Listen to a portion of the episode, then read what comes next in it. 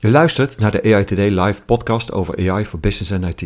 Voordat we beginnen, eerst even dit. We zijn genomineerd voor de Prijs van Oranje van de Belgian Podcast Awards. We zijn super trots op deze nominatie en jij kan ons helpen om deze prijs te winnen. Luister je graag naar onze podcast? Stem dan via belgianpodcastawards.be. Alvast bedankt. Hoi, leuk dat je weer luistert naar een nieuwe aflevering van de EATD Live. Je luistert naar deel 2 van uh, ons gesprek met uh, Elise Lems. Uh, heb je deel 1 nog niet geluisterd, zoek die eventjes op. Ik denk dat het heel erg interessant is. Um, het gaat over interpreteerbaarheid, computer vision, ChatGPT, alles door elkaar. En het wordt vanzelf duidelijk hoe dat in elkaar zit. Niels. Ja, nou ja, het, kwartje viel eigenlijk pas nadat de aflevering afgelopen was. En we er nog eens even over doorbabbelden inderdaad. Dus ik, ik heb er van mezelf nog eens even afgepeld van, goh, dus ik heb in het begin de tijden, toen we met Cognitive Services van Microsoft Azure ook lekkere speelprojecten gedaan, omdat dat is de manier hoe ik leer. Ik wil graag in de praktijk toepassen. En toen had ik uh, foto's van mezelf geüpload en uh, eigenlijk uh, de nieuws of niet service gemaakt. dus, en daarbij ook natuurlijk getest. Dat ging ook over computer vision? Ook computer toch? vision inderdaad. Ja, dus foto's van mezelf geüpload om gewoon voor de fun eens even te kijken van, goh, kan die Niels herkennen? Ja. Nou, getraind met redelijk wat foto's. Uh, voor de mensen die mij kennen, ik draag veel blauw. Uh, mijn kast heeft niet veel andere kleuren uh, als overhemden. Dus uiteindelijk het model getraind. En ook aan collega's wat gevraagd goh, kan je me helpen eens even dat model verder te voorzien van data en eens even wat te testen. Dus collega's allemaal foto's doorgegeven en ook gecheckt, is het nieuws of niet. En er kwamen toch best wel wat constateringen uit dat ik, dat ik best wel veel herkend werd, terwijl ik het niet was. En ja, waar kwam dat nou eigenlijk door? Dus met een heatmap gaan kijken en uh, nou, blijkbaar blauw overhemd. Blauw overhemd was gewoon Niels. Maakt niet uit wie. Maakt niet uit, ik, ik draag een bril. Dus maakt niet uit, zelfs mensen zonder bril. Echt, je zag echt totaal uh, groot gelijk het verschil. Maar ja, blauw overhemd was gewoon Niels. En nou, in het vorige uh, talk hebben we het natuurlijk over gehad. Uh, wat kan er nou bij? En dus eigenlijk in plaats van dat ik het ging interpreteren, waarom is het nou eigenlijk dat hij daar wordt herkend als Niels? Gaat het model, die verbetering, die feedback loop, gaat er dus voor zorgen dat het model kan toelichten dat het blauwe shirt, dat het daarom was Niels. Precies. Ja. ja. En daarvoor hebben we Elise uitgenodigd, ja. Elise Lems. Uh, Elise, zou je je nog even heel kort willen introduceren voor de mensen die misschien de eerste aflevering niet gehoord hebben? Ja, tuurlijk. Dus uh, nou, ik ben Elise, uh, 24 jaar. Ik ben een tweedejaars AI masterstudent aan de Radboud Universiteit in Nijmegen. En ik ben momenteel mijn afstudeerscriptie uh, bij Infosport aan het schrijven. En ik doe onderzoek naar hoe we interpreteerbare modellen kunnen verbeteren. Ja, en als we even een hele korte samenvatting doen, hè, maak jij gebruik van een bestaand model die ehm, zogenaamde prototypes traint en dus die haalt stukjes uit plaatjes van foto's uh, waar die op traint. En die kan zeggen bij nieuwe uh, foto's die hij aangeboden krijgt. Dit stukje van de foto lijkt op wat ik in de trainingsset gezien heb. Uh, deze snavel van een vogel lijkt op deze snavel van een vogel. En die laatste, dat is een roodborstje. Nou, zo, als hij zo van een, een heel aantal stukjes herkent uit zijn trainingsset van, oh ja, daar waren ook allemaal stukjes van roodborstjes. Vinden we het een roodborstje en dat kan je aan de gebruiker tonen. Hè? Ja, dat is, zeg ik het zo? Ja, zo klopt het. Zo, zo kort uh, gezegd. Ja, en bij, Niels, je zei, bij mij valt het kwartje uh, net. ja. En, en, en wat is dan het exacte kwartje? Nou, het kwartje dat we zelf nog geneigd zijn om telkens interpretatie te doen. Maar dat we die interpretatie niet vervolgens in design meenemen. Om door het eigenlijk weer in het systeem op te nemen. Die interpretatie, zodat andere mensen ook weten hoe die interpreteert. Nu weet ik het. Maar ik heb dat niet weer teruggenomen in het model. En door dat te doen, kan die dus aan iedereen uitleggen hoe die tot die keuze komt. Niet alleen omdat ik hem heb geïnterpreteerd. Ja, klopt. Ja, ja wat zou je kunnen uitleggen, zeg maar nog ook in het kort, hoe dat werkt? En want je eigenlijk ben je een nieuw model aan het maken die uh, de uitleg van het, van het eerder getrainde model straft of beloont.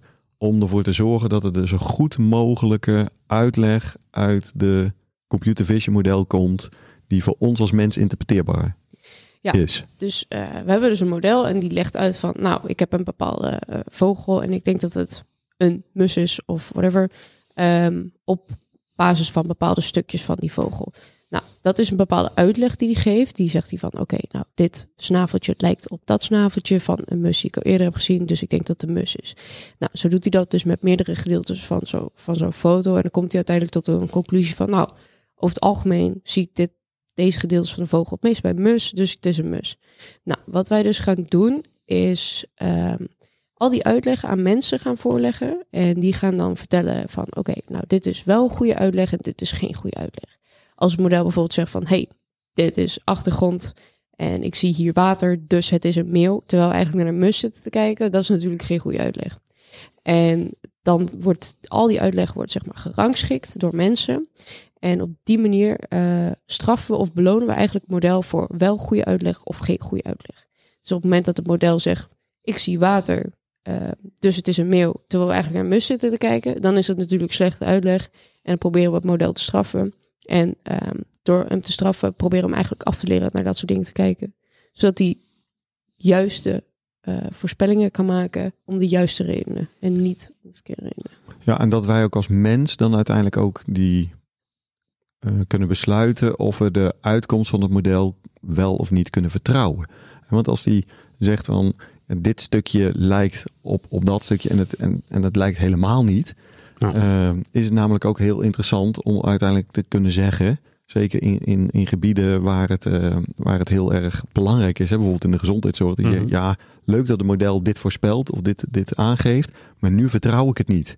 Dus ik, ik, ga er, ik ga er niks mee doen met die uitkomst. Ja. En het verschil met uh, heatmaps hebben we het over gehad, hè, gekleurde plaatjes die, die over een foto gelegd worden, waarbij die zeggen: hey, ik zie een kop en ik zie oren en uh, uh, uh, een bal in de bek, dus dan zal het wel een hond zijn. Mhm. Daarvan zijn gewoon echt letterlijk voorbeelden van dat diezelfde heatmap, nee, het is niet precies dezelfde heatmap, het is schijnbaar dezelfde heatmap. Dus de ene die zegt, door, met deze heatmap is het een hond, en de andere die zegt, nee, maar ik zie een dwarsfluit.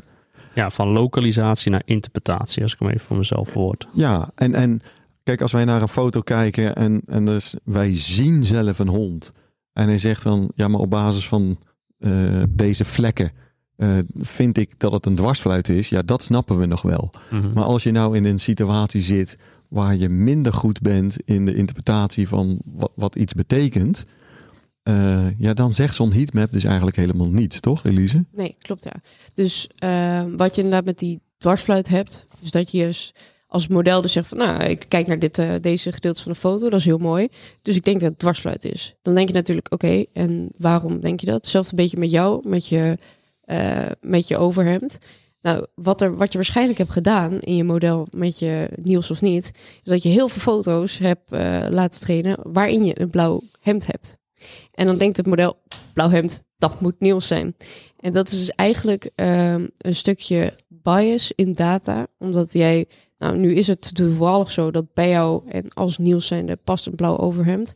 Maar als je het zou willen testen op iedereen in de wereld, zou je eigenlijk liever willen hebben dat iemand kijkt naar je gezicht of hoe lang je bent bijvoorbeeld. En dat is nou precies zo'n voorbeeld van bias in data, uh, waardoor het model eigenlijk ook biased wordt. En wat je dus heel vaak ziet, is dat een model, als je even gaat kijken naar het voorbeeld van de Apple creditcard, uh, was een paar jaar terug. Toen gaf uh, de Apple creditcard gaf heel vaak uh, vooral vrouwen minder krediet. En nu hebben ze dat dus onderzocht en nu bleek dus inderdaad dat vrouwen dus inderdaad minder krediet kregen. Nou, dat lag dus aan een bepaalde bias die aan de voorkant van dat model ligt. Dus het model aan zich is niet degene die de schuld heeft. Nee. Het model aan zich zegt niet van, oh, ik vind deze vrouwen niks, dus die krijgen lagere krediet. Het ligt aan de voorkant, dus hoe de data verzameld is. En ook eigenlijk een beetje hoe wij als maatschappij kijken naar dit soort dingen. Want uh, bias ligt ook heel vaak in de maatschappij. Ligt veel, veel eerder dan het model. Ja, ja. Nadeel van bias is dat we niet altijd doorhebben dat we een bepaalde bias hebben. Dat maakt het denk ik wel complex om dat te gaan herkennen. Daar zou dit dus ook weer een, een hulpmiddel ja. zijn. En daar heb je dus ook waarschijnlijk de massa voor nodig uh, om dat goed te kunnen detecteren. Ja, dus inderdaad, als je dus zo'n interpreteerbaar model hebt, die uh, zegt niet alleen uh, je krijgt geen krediet of je krijgt wel krediet. Die zegt gewoon, oh, ik geef jou geen krediet omdat je een vrouw bent. En dan wordt die wordt die interessant. Dat je denkt van, hé, hey, maar dit is jou gewoon aangeleerd, weet je. Het is alsof je tegen een kind zegt, elke keer als je een kat ziet, zeg je hond.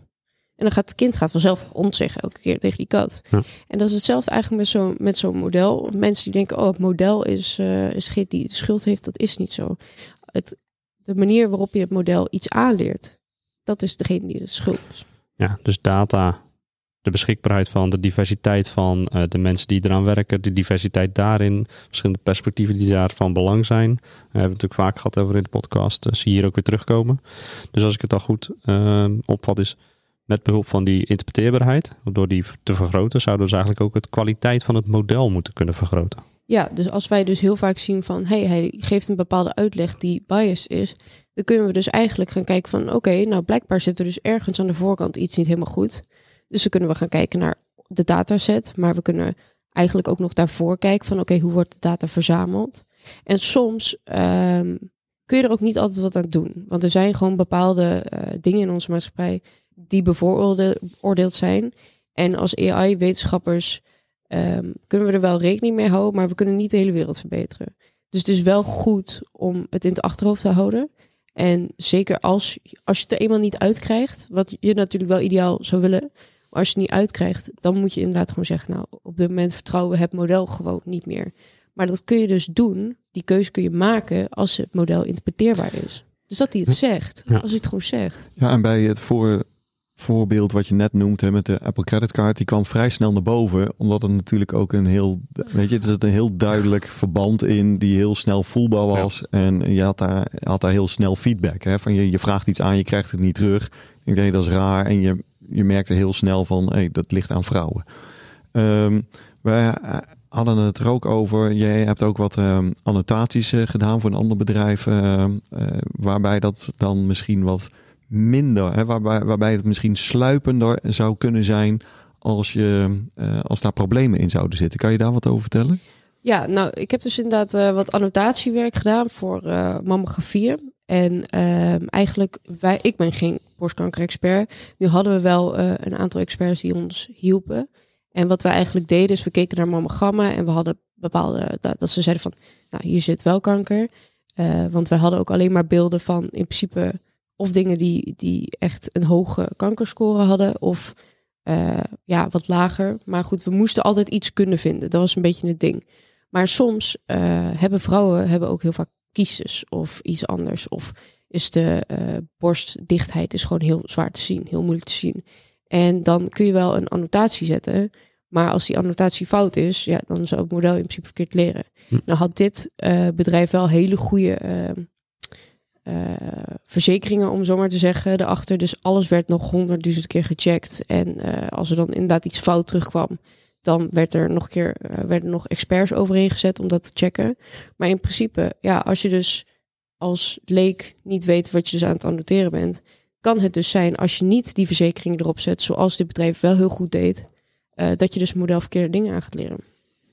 Ja, en hoe zou dan, zeg maar, waar je nu mee bezig bent met je onderzoek, zou dat helpen ten opzichte uh, voor, in dit soort uh, cases? Um, nou, wat ik dus zeg, als je, um, nou, voor longkanker is een borstkanker is misschien wat lastig. Maar als je dus wel kijkt naar bepaalde fotodata van, nou, laten we even die hond terugnemen. Um, en hij leert dus, stel elke hond met een bal, zegt die hond. Elke hond zonder bal zegt die kat. Nou, dan kun je dus zeggen van oké, nou uh, blijkbaar ligt daar die bal. Omdat hij dus telkens dat zegt. Nou, dan ga je dus eigenlijk proberen aan de voorkant te zeggen van oké, we moeten dus blijkbaar meer foto's erin zetten van honden zonder bal. Zodat hij dus meer leert naar andere dingen te kijken. En dat hij juist is voor de juiste redenen. Dat hij dus naar de juiste onderdelen kijkt. Ja. En uh, dat, dat, dat een model zeg maar niet naar de juiste onderdelen kijkt. Daar, uh, uh, ken je het Clever Hans effect?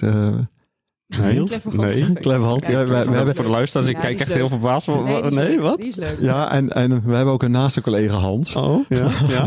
Zullen we, ja, ik weet niet of we hem Clever Hans noemen, maar uh, misschien kan Elise dat uitleggen wat dat, uh, wat dat is. Ja. Clever Hans is eigenlijk wel een heel grappig verhaal, want in uh, begin 1900 geloof ik, of eind 1800 had je een paard en die heette Clever Hans en die kon rekenen. Mm -hmm. En dan was er een, nou hij had een baasje en die nam Hans mee. En uh, dan vertelde hij tegen Hans, nou, wat is, nou, noem maar even iets, drie keer acht. En dan had hij een hele lijst met allemaal cijfers hangen. En uh, de paard die moest, dan, uh, die begon, moest dan gaan hinniken als hij bij het goede antwoord was. Maar wat er eigenlijk gebeurde, want dan ging hij dus tellen, 1, 2, 3. En op het moment dat hij dichterbij, nou, 3 keer 8, 24 kwam, werd de, werd de omgeving, dus die mensen die zaten te kijken, werden steeds enthousiaster. Ja. En dat paard die voelt dat natuurlijk aan. Die denkt, oh mensen worden enthousiast, ik ben er bijna. En op 24 waren die mensen natuurlijk super enthousiast. Dachten, ja, dit is hem. en toen ging het paard daarop reageren. En dat is dus het clever Hans effect. Dus dat hij dus gaat reageren op dingen die eigenlijk er niks mee te maken hebben. Ja, en niemand zeg maar had in de gaten, want dat is pas uit later onderzoek gekomen, dat, dat dat paard op deze manier reageerde dus hij reageerde eigenlijk op andere signalen, uh, waardoor hij slim leek. Ja. dus uh, goede antwoord op basis van de verkeerde uh, redenering. Ehm, maar de, maar de, dus zowel de eigenaar als de omstanders hadden niet in de gaten dat zij bezig waren met hints geven. Self-fulfilling prophecy eigenlijk. Ja. ja.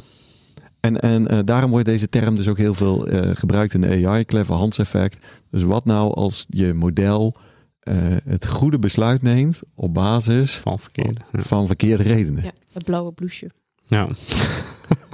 Ik had hem misschien niet moeten noemen.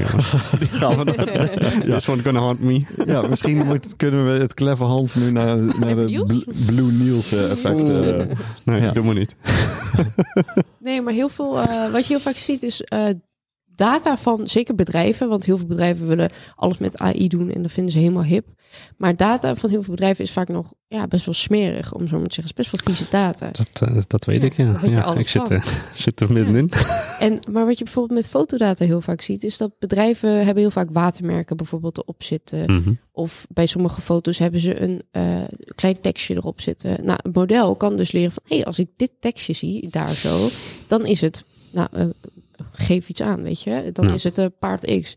En dat is eigenlijk het probleem. Ja, en verborgen watermerken. Nog moeilijker. Ja, die niet, ja. Hè, dus die wij niet zien, hè, dus die er ingezet zijn zodat er een paar pixels uh, veranderd zijn, zien wij niet. Ja, die machine die pikt dat er feilloos uit en denkt, hé, hey, dat is een makkelijk patroon om te leren. Ja. Daar ga ik voor. Het, het is net als uh, water. Het gaat, neemt de weg van de minste weerstand. Dat ja. doen dit soort modellen ook. Dus als hij op deze manier zeg maar heel snel kan leren, doet hij dat. Ja, klopt. Ja. Nou, er zijn ook volgens mij hele leuke online voorbeelden van pixel hacks inderdaad, waardoor een panda ineens heel iets anders gaat worden inderdaad. Uh, ja. Ja, klopt. Ja, ja en uh, dat, dat, dat is inderdaad ook een van de lastige dingen. Want je kan het natuurlijk zo manipuleren dat het model het toch, uh, ja. toch verkeerd gaat doen. Ja, en dan helpt het als je inderdaad de beredenering tot je krijgt. En uh, daar weer interpretatie in de human loop eigenlijk weer daarin meeneemt om er weer ja. Het beter te laten uitleggen. Nou, ik denk, uh, Elise, dank je wel voor je, voor je uitleg. Heel mooi onderzoek. Ik denk dat het ook een nuttig onderzoek is. He, dit is waar de wereld naartoe gaat. Van, uh, ja, we moeten, wat mij betreft, steeds minder black box modellen hebben. Steeds meer interpreteerbaar. Op zijn minst uitlegbaar, het liefst interpreteerbaar. En uh, nou ja, ik denk dat we dan het vakgebied alleen maar mooier maken. Dankjewel ja, voor, je, voor je inzichten en uh, alles wat je verteld hebt. Leuk dat je weer luisterde naar een nieuwe aflevering van EOTD Live. Mis geen aflevering, abonneer je via je favoriete podcast app en krijg automatisch een melding als er een nieuwe aflevering beschikbaar is. Dankjewel weer voor het luisteren.